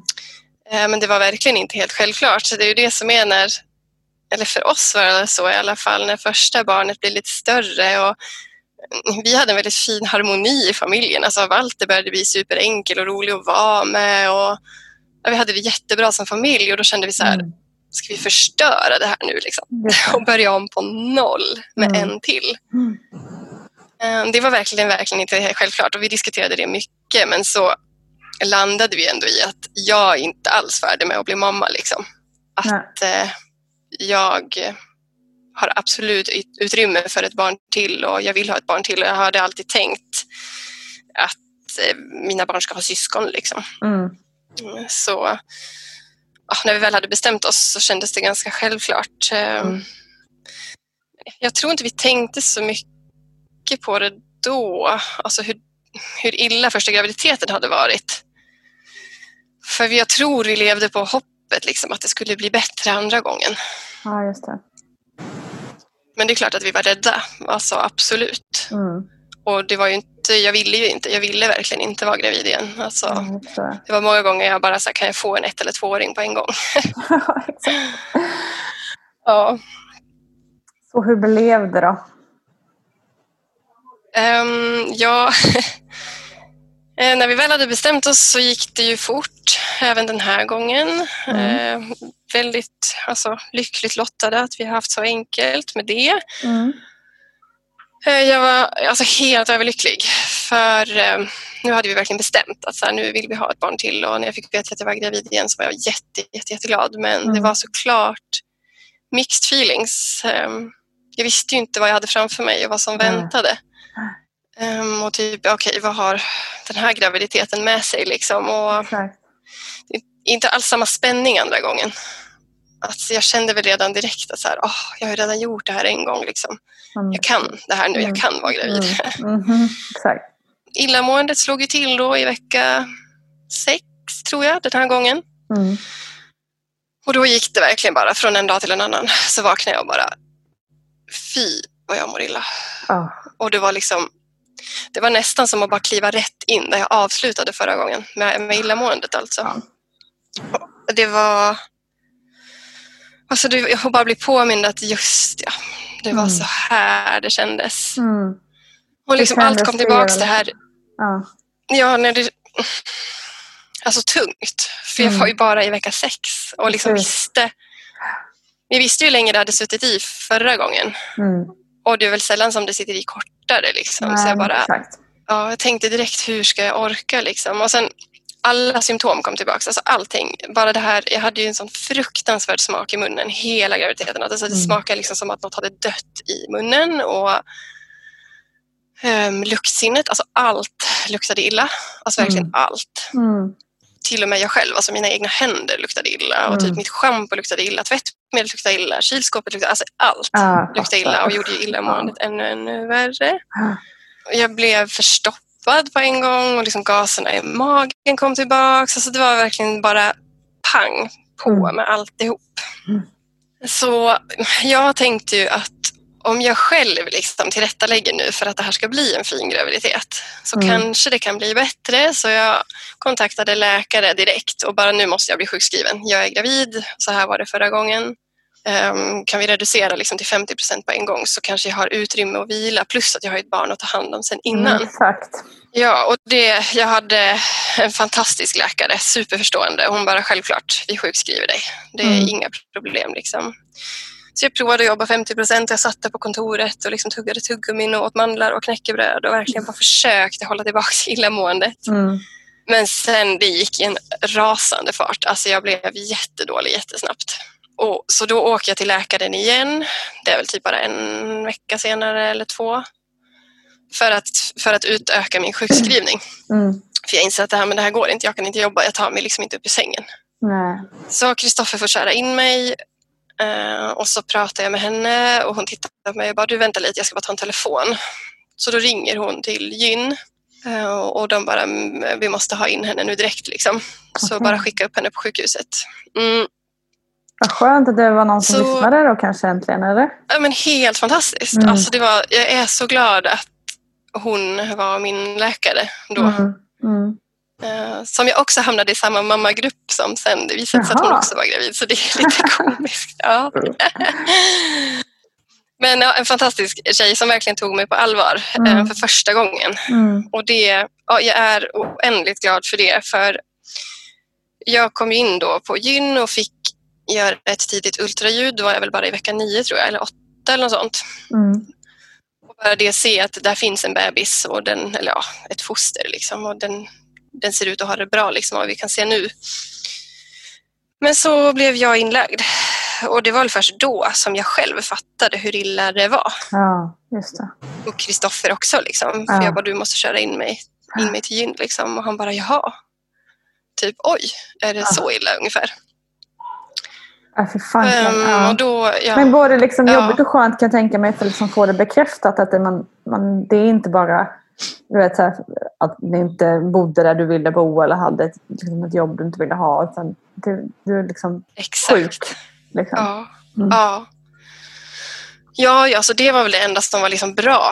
Mm. Att det kändes som att så här, få bekräftat att okej, det är inte jag, liksom, det är Nej, min kropp precis. som Exakt. reagerar så här på graviditet. Ja. Eh, Men, men alltså supertungt. För från att vara liksom en superfrisk eh, Mm. tjej eller kvinna, alltså jag ehm, är ju i övrigt helt frisk och liksom Mm. tränar massor och ute jättemycket och så här, till att ligga alltså, bunden i sängen för jag kunde inte Mm. röra mig. Alltså jag låg och stirrade i taket. Herregud. Ja, och så Kristoffer frågade ju, va? Nej, säger du. Vad skulle du säga? Mm, Kristoffer frågade om han skulle liksom ta med någonting till mig till sjukhuset. Mm. Jag låg inne första gången, så låg jag inne en vecka. Mm. Eh, och typ, ska jag ta med en dator? Vill du se på film? Vill du ha någon bok? Typ hörlurar? Ska du lyssna på något? Alltså, är det någonting jag kan göra för dig? Och bara ingenting. Mm. Jag, alltså, jag kan inte se på film, jag kan inte läsa, jag kan inte, alltså, jag kan inte ens ta upp min telefon och scrolla Mm. igenom Instagram liksom, för Mm. då eh, kräks jag. Mm. Det går ju liksom inte att föreställa Ehm. sig. Herregud. Nej, Så galet. ja, det, alltså, det är verkligen helt fruktansvärt att liksom känna sig så sjuk Mm. men egentligen vara helt frisk. Liksom. Mm. Och liksom förstå att kroppen reagerar på, så här, på graviditet är bara helt knäppt. Ja, det är verkligen så himla konstigt. För samtidigt då som du Ja. är så sjuk så liksom går din näring till ett barn som liksom lever Mm. och mår bra inne i dig. Liksom. Det är så galet. Mm. Det funkar så konstigt. Ja, helt galet. Ja. Och liksom, det går ju sjukt mycket tankar genom huvudet när man, är så här, alltså när, när man mår så här illa. För det är ju det som är det värsta, det är ju illamåendet. Jag har inte inte varit en av dem som har kräkts liksom extremt mycket. Det finns väl de som kräks liksom hur mycket som helst flera gånger per dag. Mm. Jag har väl kanske kräkts ja, två, tre gånger per dag ungefär. Liksom. Mm. Det är väl det som har varit standard. Men det har ju till slut nästan blivit som att gå på toaletten. Liksom. Ja, Men det är värsta är ju det här illamåendet som hänger i hela tiden. Mm. Mm. Som man aldrig Ja. kan komma bort från. Liksom. Nej, det enda sättet är att sova. Alltså det är det Mm. enda som liksom, Mm. Som liksom hjälper. Mm. Vad heter det? Men ja, du, det, du, du skickade en bild till mig eh, på mejlen med en bild på dig och din son när du ligger inne på sjukhuset. mm, Och den är mm, verkligen bara så Ja. gripande den bilden. Ehm, ja. hur, hur var det att vara mamma i allt det här? Liksom? Ehm, det var väl det värsta, alltså mentalt. Den Mm. mentala biten. Att liksom... Alltså, ja, det är jättesvårt att beskriva hur jag kände egentligen. Men eh, jag var ju inte mamma längre. Ja. Så kändes det. Alltså, Mm. Det kändes som att... Alltså, alltså, nu låter det jätteallvarligt. Det var inte så att jag hade dött. Men det var ju verkligen... Jag var helt frånvarande. Mm. Ehm, och han fick komma och hälsa på mig. Alltså nu var han så liten. Han var ju ja, strax över två. Mm. Eh, Så han förstod ju inte, vilket kanske gjorde det lättare. Eller så hade det varit lättare med ett större barn som man hade kunnat förklara för. Men Mm. alltså, han kom ju och hälsade på mig på sjukhuset. Ja, så förstod han ju inte varför jag var där. Och Nej. han satt i min säng och det är ju på den här bilden han sitter och tittar på den här droppställningen. Liksom. Mm. Och den känslan i mig att så här, du förlorar din mamma. Alltså, visst att det bara var en graviditet och det fanns ju ett slut på det här. Men ändå Mm. att, alltså att han förlorade sin mamma för att jag ville ha ett till barn. Mm. Det kändes som så här att ja, men du är inte tillräcklig, jag vill ha en till. Liksom. Mm. Och det här är det straffet du får liksom, för att jag vill ha ett till barn. Alltså det, alltså jätte, jätte, jättehemskt. Och sen att veta att det, det finns ju ett sätt att avsluta det här. Alltså jag kan ju bara göra en abort så Mm. är allt som vanligt igen. För även om jag hade varit gravid förut så förstod jag ju inte att ja, men det är ett barn i magen. Mm. Det går ju liksom nästan inte att förstå. Nej, det kan jag hålla med Men alltså, för mig var det såklart helt uteslutet. Alltså jag ville ju, det här barnet var ju efterlängtat och helt friskt. Det var ju, Mm, det var mm. verkligen inte så, men mer för att förklara att Precis. man är så dålig så att man till och med tänker de tankarna. Liksom. Mm. Ja.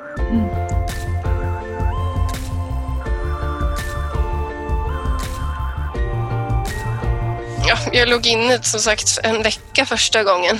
Mm. Och sen eh, när jag väl var hemma och så, så klarade jag inte av att vara med honom. Alltså, han luktade ju, du vet lukten av förskola. Liksom. Mm. Om han kom nära mig så kräktes jag ju för att han luktade så illa. Åh, fy vad hjärtskärande. Ja, hemskt. Så när han kom hem och om han typ försökte krama mig eller vara nära mig så fick jag gå därifrån och liksom lägga mig i mitt sovrum.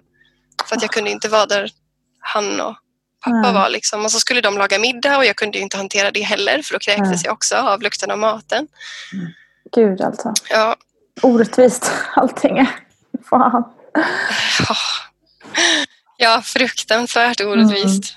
Mm. Men eh, så harvade jag på så här.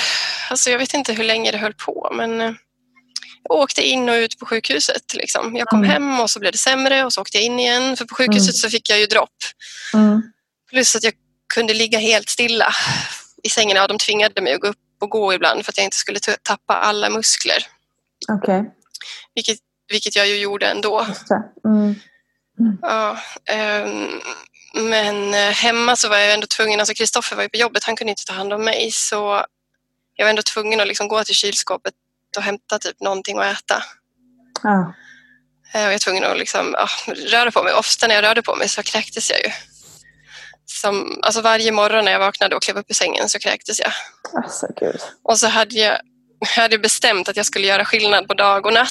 Så att jag hade Mhm. liksom lovat mig själv att jag skulle gå upp ur sängen varje dag, klä på mig kläder, bädda sängen för att förflytta mig till soffan. Mm. Eh, Så varje kväll när jag sen skulle gå och lägga mig och gå ner för trappen ner till sovrummet igen så kräktes jag igen. Och typ om jag försökte borsta tänderna, bara stoppa tandborsten i munnen så kräktes jag också. Mm. Alltså det var bara så allt. Ingenting funkar liksom. Nej, verkligen ingenting. Ja, det är helt galet. Helt galet. Man blir liksom alldeles Ja, det är- det, är så här, det går knappt att föreställa sig att man kan ens leva så här. Gud. Nej, det är, det är verkligen bara ett enda mörker och det Mm. går ju nästan inte att se något ljus i tunneln. Alltså man räknar minuter. Mm.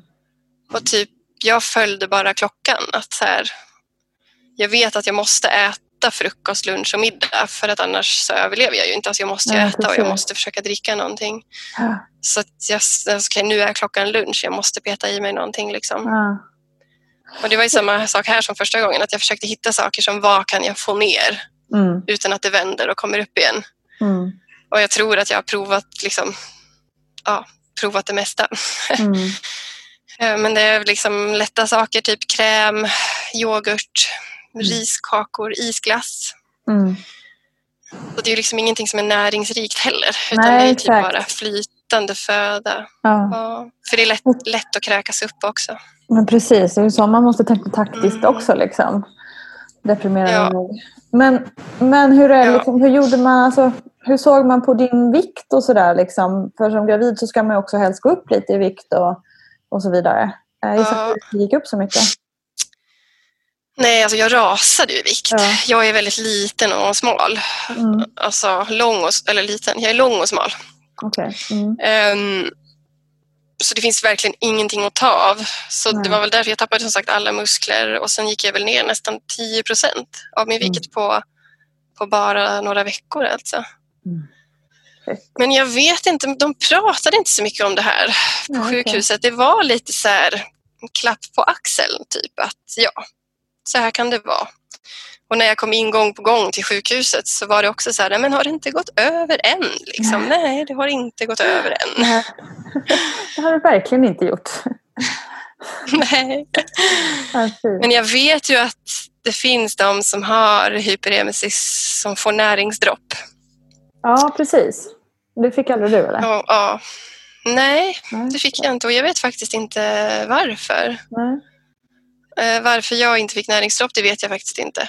Men det var väl, alltså de höll ju koll på mig på sjukhuset. Alltså jag fick ju fylla i liksom, typ listor hur mycket näring alltså, vad jag åt och vad jag drack. Mm. Så de måste väl ändå ha sett att jag fick i mig typ till, tillräckligt för att liksom, överleva ungefär. Ja, Det är väl precis. typ så. Ja. Ja. Men du, hur länge höll det här på sig? Alltså i andra graviditeten, slutade det någonsin eller mådde du illa hela vägen in i mål liksom, den här gången? Nej, jag är ändå en av de alltså, hyperemesis-sjuka som, som har haft tur att det har liksom vänt efter halva. Ja. Så jag slutade väl kräkas runt vecka 20. Så typ samma som, Men- som du hade första gången? Ja, det höll i sig lite längre den här gången, några veckor längre. Mm. Alltså illamåendet höll ju i sig. Ja, i stort sett hela. Och sen, alltså, I och med att jag hade varit så fruktansvärt dålig Mm. och sen när illamåendet vände, det var inte som att jag hade massa energi då. Jag hade ju Nej, ingenting. Alltså, jag var ju tunn som en liten Mm. räka. Alltså jag såg ju Ja. nästan anorektisk ut. Och då liksom försöka komma tillbaka till något sorts, sorts normalt liv, det gick ju typ inte. Jag lyckades jobba. Jag jobbade 25 procent Mm. de sista typ tio veckorna tror jag. Mm. Men det var bara för min egen skull, för att jag skulle komma ut ur huset. Alltså typ ta på mig kläder och träffa andra människor. Ja. Känna dig lite vanlig. Ehm, precis, för jag hade ju liksom varit fången här hemma Mm. i Mm. soffan. Mm. Ja, nästan ett halvår. Ja, det är galet. Ja, det är verkligen helt sjukt. Mm. Ja. Men fanns det ingenting, alltså du blev ju inlagd och så vidare, men fanns det ingen typ av liksom, mer hjälp som du fick från sjukvården? Jo, eh, alltså det finns eh, mediciner som man provar. Det finns ju inga mediciner mot just graviditetsillamående. Nej. Men det finns andra mediciner som man provar. Så det första jag fick var ju alltså Postafen mot åksjuka. Mm. Alltså, men det var ju liksom som, som ett skämt. De blir man också väldigt, väldigt trött av. Så om man inte, som inte är trött innan så var det, det här var ju bara som att äta sömnpiller. Så det Mm. hjälpte liksom inte överhuvudtaget. Nej. Ehm, och så nästa steg då, det som jag fick, det heter Primperan.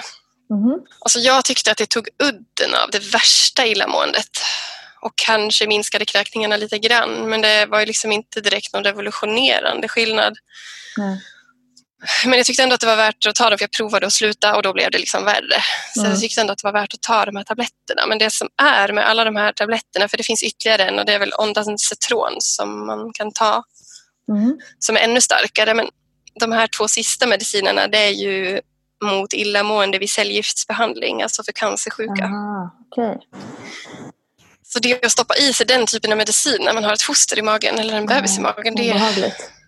vill man ju verkligen undvika in i det sista. Men, eller jag ville det i alla fall. Men Mm. alltså, det är ju oundvikligt när man är så här dålig. Mm. Plus att de har jättestarka biverkningar. Jaha, okej. Typ alltså, depression och utmattning, svaghet. eh, Typ sådana biverkningar. Så att det var det som var när jag åt de här tabletterna. Så blev jag ju alltså typ ännu mer utslagen än vad jag redan var innan. Okej. Och, ja, så Man att, kan eh, liksom inte vinna på något sätt känns det som. Nej, utan det är verkligen så pest eller kolera. Ja, verkligen. Ja, alltså jag provade några andra mediciner också, Lergen Comp. Det har du ju säkert hört, Mm, det är det många som berättar om Mm. att de har provat. Men det är ju också så här, alltså de blev jag typ helt skakig av. Jag fick typ hjärtklappning och bara, obehagligt. alltså det typ kröp i hela kroppen och det tyckte jag, det hjälpte inte alls mot illamåendet heller. Ja, Ja, så det känns inte Ah. som att jag har provat det mesta. jag förstår det. Vi får hoppas kanske. Ja. Jag vet att jag har frågat detta innan till alla som lyssnar. Om det finns någon som jobbar inom sjukvården, som jobbar med forskning.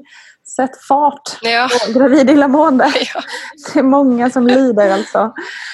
Herregud. Tänk Ja. om man bara kunde, någon kunde forska, fram någonting på det här. Det skulle ju vara Nobelprisläge på det känner jag. mm, ja alltså verkligen. Eller hur?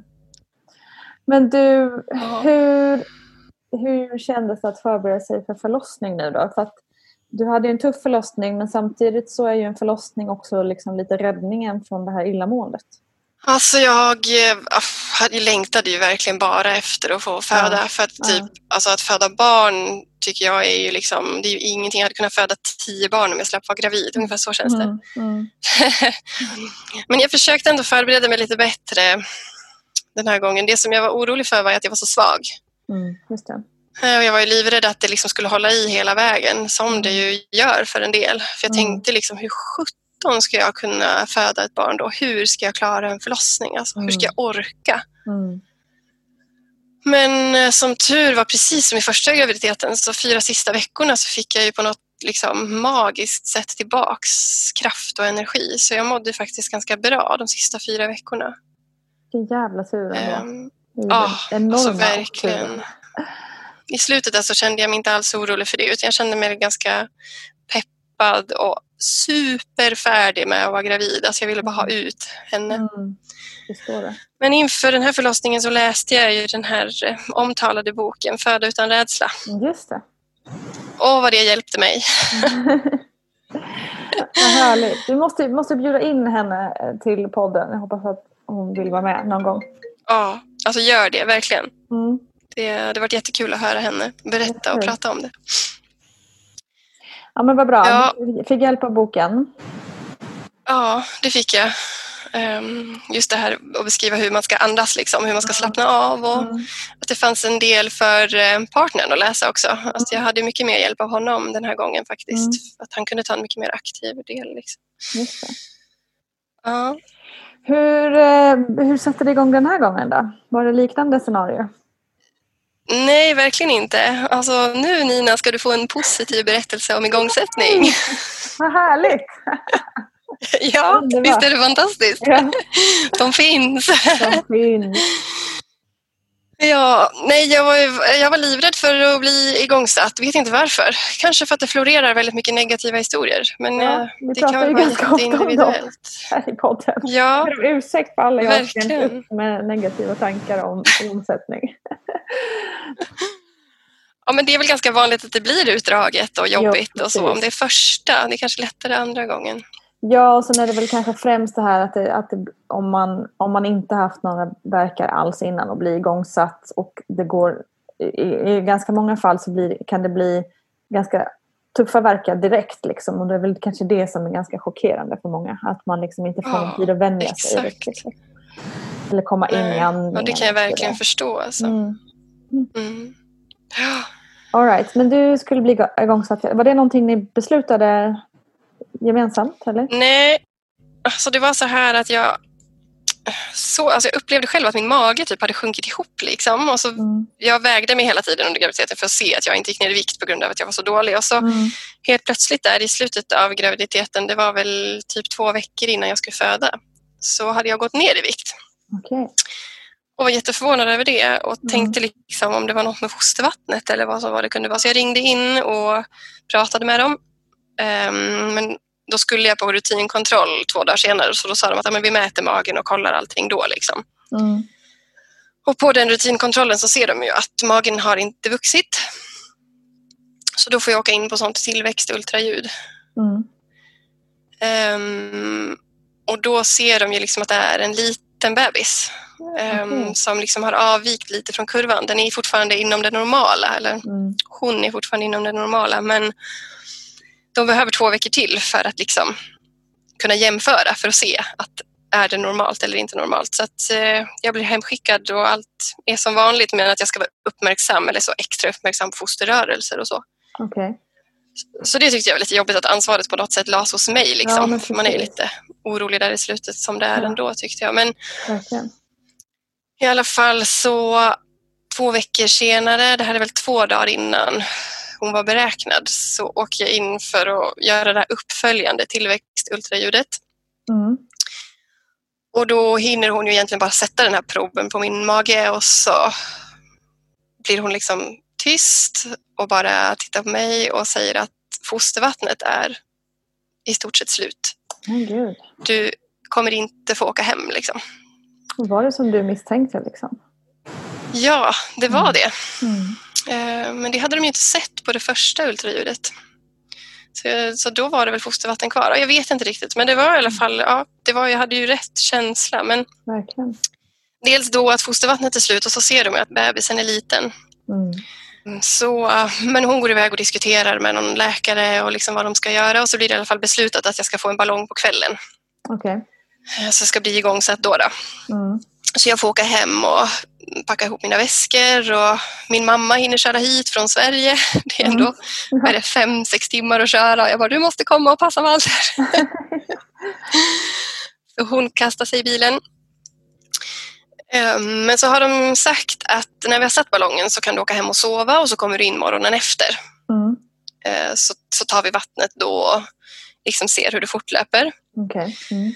Så jag var så jäkla inställd på att jag skulle få åka hem och sova. För jag hade ju haft Mm. massa extra, de hade gjort massa sådana här CTG-kontroller. Jag hade varit inne där ganska länge och bara det att få veta att liksom, det är, är inte riktigt som det ska och den här mentala omställningen på att jag ska bli igångsatt och Ja, så. verkligen.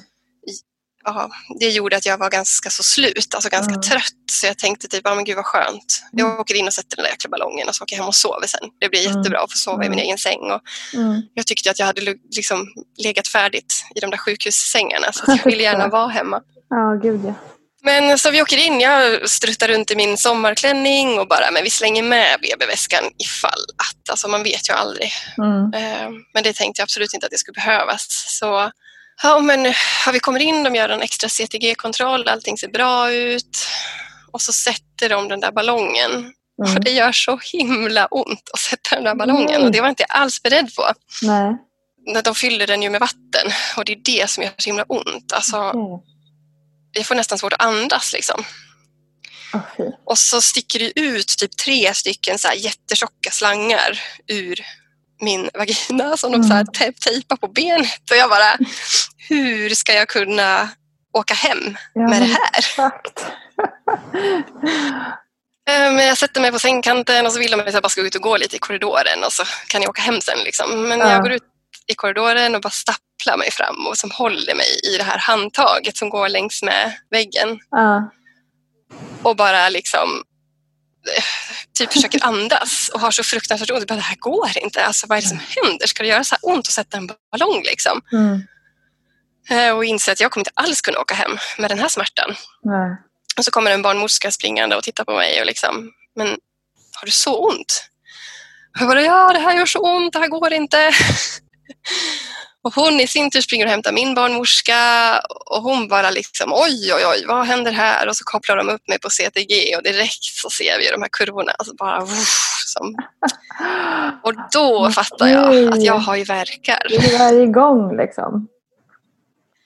Yes! Underbart ändå. Det var bara, ja, alltså det var ju bara som att trycka på en knapp så Ja. fattade min kropp vad den skulle göra. Ah, så, wow. Men jag blir ju helt, alltså jag skulle ju hem och sova vet du. Så det, jag blir ju jättechockad. Och bara liksom börja skaka och gråter och bara klarar inte av att samla mig. Alltså jag är helt skärrad. Att liksom jag, jag kan inte föda barn nu, jag måste sova först. Men exakt, jag förstår. Ja. Men jag behöver bara typ tio minuter och så eh, lyckas jag verkligen samla mig och fokusera och eh, göra precis som det står i den här boken och bara lyckas andas mig igenom verkarna. Och jag lyckas faktiskt till och med somna mellan verkarna, Wow. vilket ju känns helt eh, otroligt. Ja. Vilken skillnad från Ja. första gången. Ja, alltså jätte, jättestor skillnad verkligen. Mm. Eh, Och det, ja, men det känns jättebra.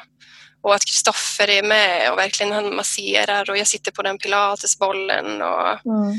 det känns som att det verkligen går jätte, jättebra fram till typ 5-6 centimeter. Mm. Eh, Då har jag väl hållit på i fyra timmar tror jag. Så det har ändå gått ganska fort. Eller ganska normalt fram till dess då. Mm.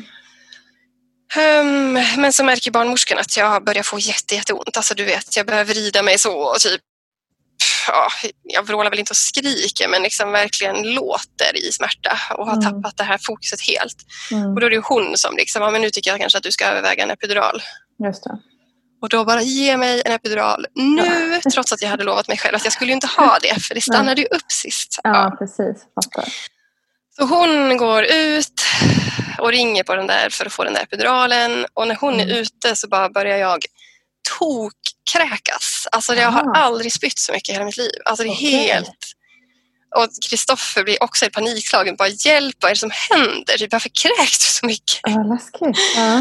Bara ja, ring in barnmorskan, se till att hon kommer hit. Och hon bara också typ, vad, vad händer här inne? Varför trycker ni? Jag gick ju precis. Och typ, Ja. epiduralen är godkänd men om du kräks så måste jag ju undersöka dig. Ja.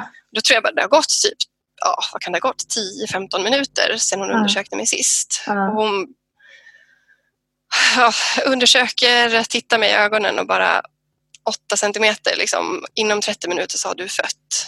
Vi hinner Wow. absolut inte någon epidural. Så här, ja, det är helt Otroligt. sjukt att det går så fort. Ja. Ja, Wow. Så här bara släpper jag allt. Ja. Ja. och låter min kropp ta över. Alltså, Ja. Jag vrålar och jag skriker och bara vrider mig i smärta. Ja. Men det går, alltså, det går så himla himla fort och helt plötsligt så bara nu kommer bebisen, alltså nu trycker det här. Och Ja. återigen, bebisens puls går ner. Hon står i telefon för att ringa hit läkaren eftersom pulsen går ner. Och jag bara, vad ska jag göra liksom? Mm. Det, det trycker här. Och hon bara, om du måste krysta så krystar du liksom. Mm. Eh, Så, alltså det går verkligen superfort. Jag krystar, jag tror två krystverkar så ja, kommer hon ut. Men shit. Vilken grej. Ja. Så ja, från sex centimeter till att hon är ute, jag tror det gick på alltså under en timme. Herregud. Så Ja, coolt ändå. ja det var verkligen ja, så himla häftigt. Ja. Att, och så just det här att inte ha epidural och liksom känna allting. Alltså bara känna hur bebisen liksom förflyttar sig ner i förlossningskanalen och hur typ bebisen vrider sig. Alltså jag verkligen var så med som jag Ja. var Ja. den här gången. För Och ändå måste Alltså, jag du ha smärta liksom. ja, jag måste ju det. Men Ja. jag tycker, alltså, och krysta, det typ känns inte. Det Nej. känns nästan skönt att få krysta. Ja. Alltså det gör Ja. nästan inte ont. Och det är ju sjukt. Ja. Då kan man också förstå hur ont det gör att ha öppningsverkar. Liksom, Ja, om man hur? inte ens tycker det gör ont att krysta. Ja. Verkligen. Ja, Ah, shit. Ja, men vad otroligt. ja, helt otroligt. Verkligen. Så det var en sån enorm lättnad att vara färdig. Och, Mm. Ja, hon vägde bara Ja. 2400 så det var en liten, liten En bebis. liten plutta. Mm. Men hur kändes det efteråt då, den här gången om man jämför med första gången? Nej, ja, hur ska jag beskriva? Alltså enorm lättnad och typ Mm. jag är färdig. Nu ska jag Mm. aldrig mer göra det här, tänkte jag. Um, och så kändes det som att hon och jag, vi hade kämpat liksom tillsammans. Mm. Vi hade verkligen gjort det här ihop. Mm. Och att få möta henne och bara se henne och vara med henne och ta hand om henne och visa upp henne för Walter. Det var liksom min Mm. belöning. Mm. Och det var det här jag hade haft som målbild hela tiden när jag låg och mådde som sämst. Mm. Så bara, jag kommer att få möta min bebis. Så äh, det kändes, allting kändes så mycket lättare andra gången. Det var bara, Mm. Och illamåendet var det borta? kändes så självklart. Ja, ja putsväck. Ah. Jättemärkligt. Ja. Det var också som att bara trycka på en knapp. Alla Ja. symptom var borta. Mm. Luktsinne, smaksinne, alltså allt bara försvann. Så otroligt. Mm. Vilken lättnad det måste varit Tessa. Ja, verkligen. Det var bara ja, färdig. Färdig med den här skitgraviditeten. Ja, exakt. Så nu ska ni bara planera för ett tredje barn, eller? Ja, exakt. Planerna är... Nej. Tvillingar den här gången. nej, nej, jag känner mig väldigt lycklig över de två jag har. Två Mm. friska, fina Mm. barn och jag tror inte vi ska utsätta varken mig eller barnen eller familjen eller någon för, för en sån graviditet igen. Alltså. Mm. Absolut inte. Ja, vilken, jag vet inte, det finns inte ens ord för det. Jag skulle säga pers, men det känns ju alldeles för litet ord eh, i de här Ja, alltså tortyr nästan. En Tortyr lång ett bättre plåga. Ja, Ja. ja, herregud, vilken hjältinna du är. Du, finns det någonting Ja, du vill säga till någon annan som känner, som lyssnar och bara ah, jag mår också illa. Liksom. Vad ska man göra? Alltså, har du, någon, har du några, någonting du vill säga? ja, två saker. Mm. Alltså det första är ju, det är värt det. Alltså även om det inte känns så i stunden och det känns som Mm. att man bara vill ge upp Mm. så är det ju värt det när du Mm. har din bebis i famnen. Mm. Det är väl det absolut viktigaste att bara repetera det i sitt eget huvud. Mm. Eh, och det andra, alltså ta hjälp, ta hjälp, ta hjälp, ta hjälp. Det Ja. finns hjälp, alltså dels sjukvård, det finns dropp, det finns mediciner. Men också typ familj och vänner. Alltså Mm. se till att någon i familjen tar hand om dig. Se till att någon annan behandlar all mat och hjälper till att hämta syskon på dagis. Och, alltså Mm. sådana saker. Allt. Alltså verkligen. Och om det är någon, som inte, liksom, någon i din omgivning som inte förstår hur illa det är så kan vi bara lyssna på det här. Hur? Verkligen. Skicka Ja, runt det här det avsnittet till alla. Ja, Ja. ja exakt. alltså, det är väl mina viktigaste råd att ge. Mm. Jättebra. Mm.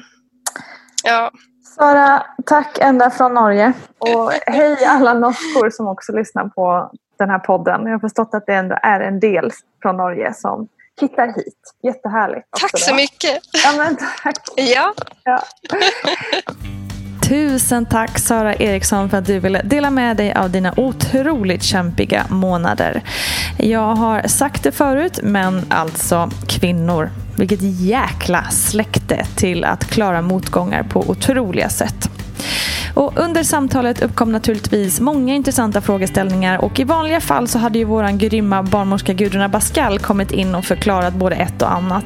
Men dessvärre så är det också så att på grund av semestrar så lyckades inte jag och Gudrun få till en inspelning för just det här avsnittet. Men jag lovar att återkomma med svar kring både de frågor och intressanta ämnen som uppkom i det här avsnittet på annat sätt framöver. Och jag inser också att när jag själv lyssnar igenom det här samtalet så hade vi verkligen kunnat gå in mer på djupet kring hur det är att ligga inlagd på sjukhus och vad som sker då och så vidare. Och jag lovar att även ta upp det ämnet vidare för djupare kunskap framåt. Okej, min sommarhjärna är verkligen på ett annat plan, det märker ni. Jag hoppas att ni förstår och, och jag lovar att skärpa till mig framöver. Okej, låt oss säga så. Tusen tack igen för att du har lyssnat. Vi hörs snart igen. Kram!